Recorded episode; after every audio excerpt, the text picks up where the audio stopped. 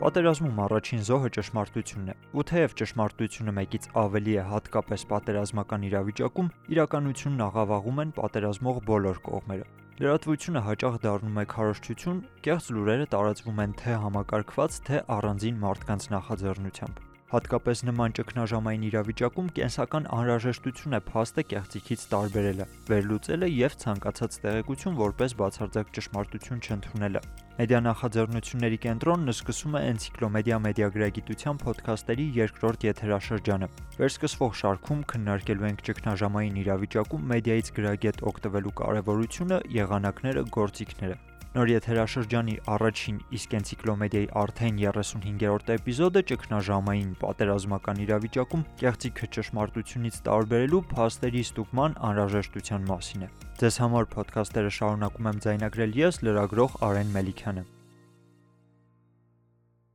Անվտանգությունը մարդու համար առաջնային պահանջ է, եւ երբ այն վտանգի տակ է դրվում, մարդիկ առավել զգացմունքային են դառնում։ Լուրերը սպառելիս ցանկանում են հավատալ ամենին, ինչն իրենց ներկայացվում է, առանց հարցադրելու։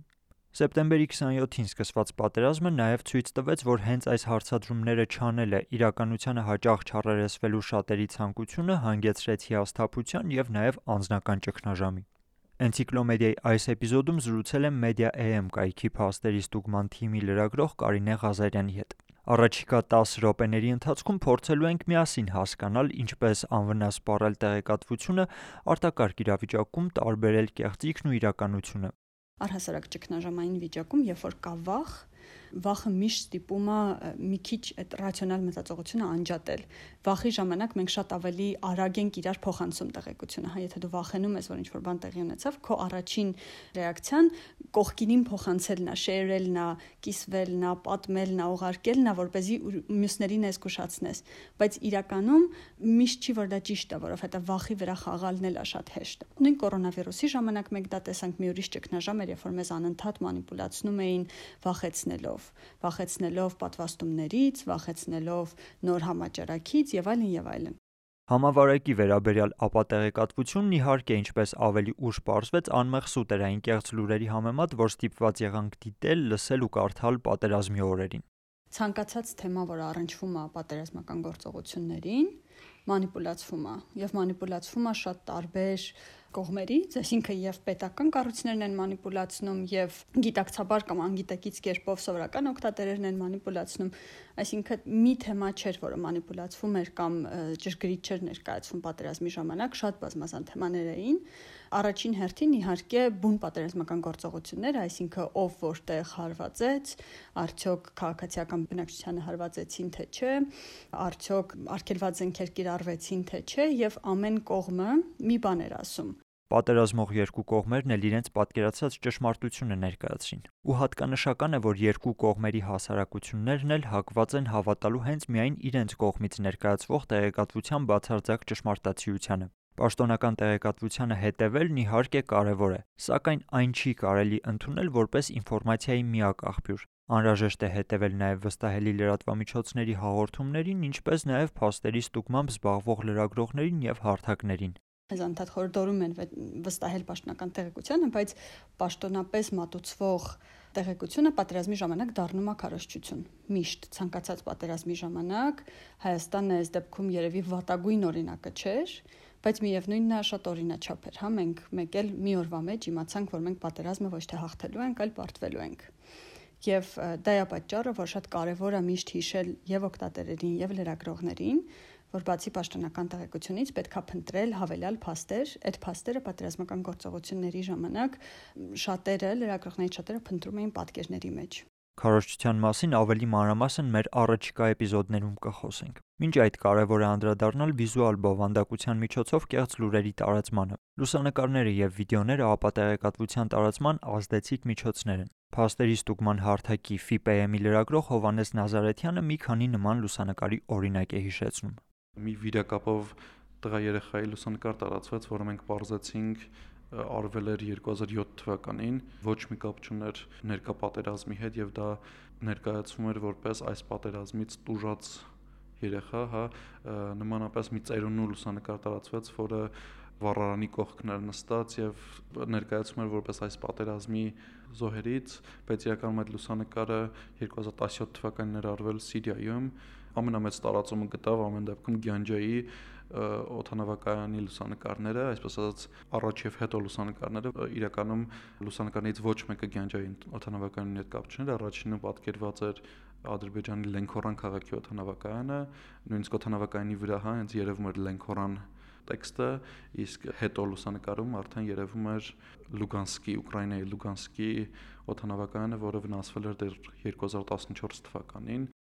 Լուսանկարները ստուգել կարելի է պարզ որոնման միջոցով. Google որոնողական համակարգի լուսանկարների բաժնում կամ օրինակ TINA-ի կոչվող որոնողական համակարգում։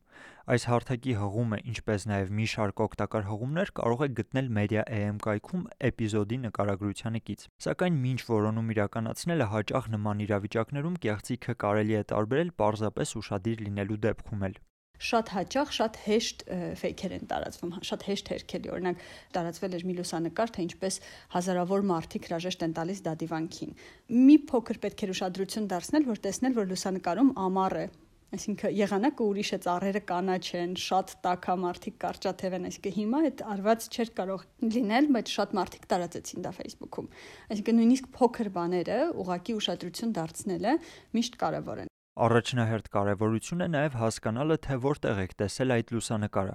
ով է այն տարածում, արդյոք դրա հեղինակը վստահելի անձ կամ լրատվամիջոց է, թե գուցե արված է ուղղակի մեծ լսարան ձեռք բերելու կամ լսարանին ապակողմնորոշելու նպատակով պատերազմական գործողությունների ժամանակ դա դժվար է, որովհետև ով ասես ինչ ասես տարածումը եւ պաշտոնական տեղեկությանն էլ ինչպես արդեն ասեցինք վստահել չի լինում, բայց ամեն դեպքում եթե սա տարածումը վստահելի լրատվամիջոց, լրատվամիջոց, որը դուք գիտեք, որ այսպես ասած բարի համբավ ունի, այսինքն հաճախ չի եղել, որ այդ լրատվամիջոցը կեղծ տեղեկություն տարածի կամ դեղին մամուլ չի եւ այլն, մեծ է հավանականությունը, որ այդ լրատվամիջոցը նախ ստուգել է, փորձել է ողրել այդ տեղեկությունը, նկարը, լուրը ճիշտ է թե չէ, նոր հաղորդել է։ Նման իրավիճակում ապատեղեկատվության համակարգված տարածում կարող է նաև հակառակորդ կողմից արվել։ Պատերազմական չգրված օրենք է տեղեկատվության քարոզչության կիրառմամբ հակառակորդ հասարակության թիրախավորումը։ Այս պատերազմի ընթացքում էլ տեսանք ինչպես Ադրբեջանի կողմից կառավարվող էջերը բավական գրագետ հայերենով կամ ռուսերենով խոճապային լուրեր էին ստեղծում եւ գովազդի միջոցով հասցեագրում հենց հայկական լսարանին։ Նման մի լուր էլ օրինակ Հրազդանի հեկի թիրախավորման մասին ապատեղեկատվությունն էր։ Թեև գրված տեքստի ոճից էլ էր զգացվում, որ լուրը խոճապ ստեղծելու միտում ունի, որոշ մարդիկ ամեն դեպքում հավատացել էին դրան եթե կա տեղեկություն, այնքան կարևոր տեղեկություն, ինչպիսին օրինակ Հրազդանի հեկը, հեկին հարվածելը, իմաստ ունի դա ստուգել ձեր ծանոթ լրատվամիջոցներում մտնել, չգիտեմ, հանրային հեռուստաընկերություն, մտնել ազատության ռադիոկայան, մտնել մեծ լրատվամիջոցներ, որոնք դուք գիտեք, որ այնտեղ աշխատում են պրոֆեսիոնալ լրագրողներ եւ այլն եւ այլն, եւ այնտեղ ստուգել արդյոք կա այս տեղեկությունը թե չէ։ Եթե այդ տեղեկությունը իսկապես այնքան սենսացիոն եւ կարևոր տեղեկություն է, հաստատ կլինեն մեծ լրատվամիջոցներ, որոնք կհաղորդեն դա։ Եթե ոչ մի մեծ լրատվամիջոցում դա չկա, բայց կա ինչ որ մի կայքում, որը ձեզ ծանոթ չէ, դա առիթ է կասկածելու Կասկածելի է տեղեկատվությունը թե ոչ, պարտադիր պայման է ստուգել դրա ճիշտ լինելն առնվազն այլ լրատվամիջոցում այդ տեղեկատվությունը որոնելով եւ մի քանի աղբյուրների համադրմամբ։ Միայն այդ դեպքում է հնարավոր ստանալ եղելության ամբողջական պատկերն ու եզրահանգումներ անել իրականության վերաբերյալ։ Մենք Հայաստանում տեսանք մի ուրիշ երևույթ, որ ինձ համար շատ հետաքրքիր էր, դա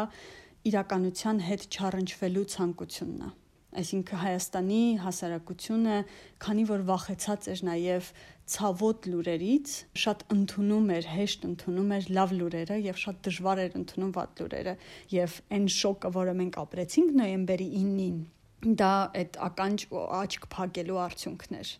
չստուգելը տեղեկությունը, չպրպտալը, չփնտրելը ճշգրիտ տեղեկություն բերում է այտենց ցավոտ շոկերի, որը ես հույս ունեմ, որ մենք եւս մեկ անգամ չենք ապրի։ Հուսալուց բացի կարևոր է նաև նախապես պատրաստ լինել ցանկացած ճգնաժամային իրավիճակի։ Համավարակը, պատերազմները, բնական աղետներն անսպասելի են ու խոճապային դրության մեջ կարող են թողնել յուրաքանչյուրին։ Նման էմոցիոնալ պահերին կարևոր է ցանկացած տեղեկատվությամբ կիսվելուց առաջ վերլուծել այն, չարձագանքել անմիջապես, չտարածել առանց ստուգելու, տարբերել կարծիքն ու փաստերը, ու չհիմնվել միայն մեկ աղբյուրի, օրինակ հարևանի որդու հեռախոսազանգի կամ բակային խոսակցության վրա։ Նման իրավիճակներում մեդիան եւս որպես զենք է կիրառվում։ եւ այդ զենքից պաշտպանվել հնարավոր է միայն դրա գրագետ սպառմամբ։ Ճգնաժամի պայմաններում մեդիան ճիշտ օգտագործելու մասին կխոսենք նաև մեր հաջորդ էպիզոդներում։ Մենք շարունակելու ենք մեր հրապարակումներն ամեն շաբաթյա հաճախականությամբ։ Մեզ կարող եք բաժանորդագրվել ձեր ոդքասթ հավելվածներում, որոնելով էնցիկլոմեդիան,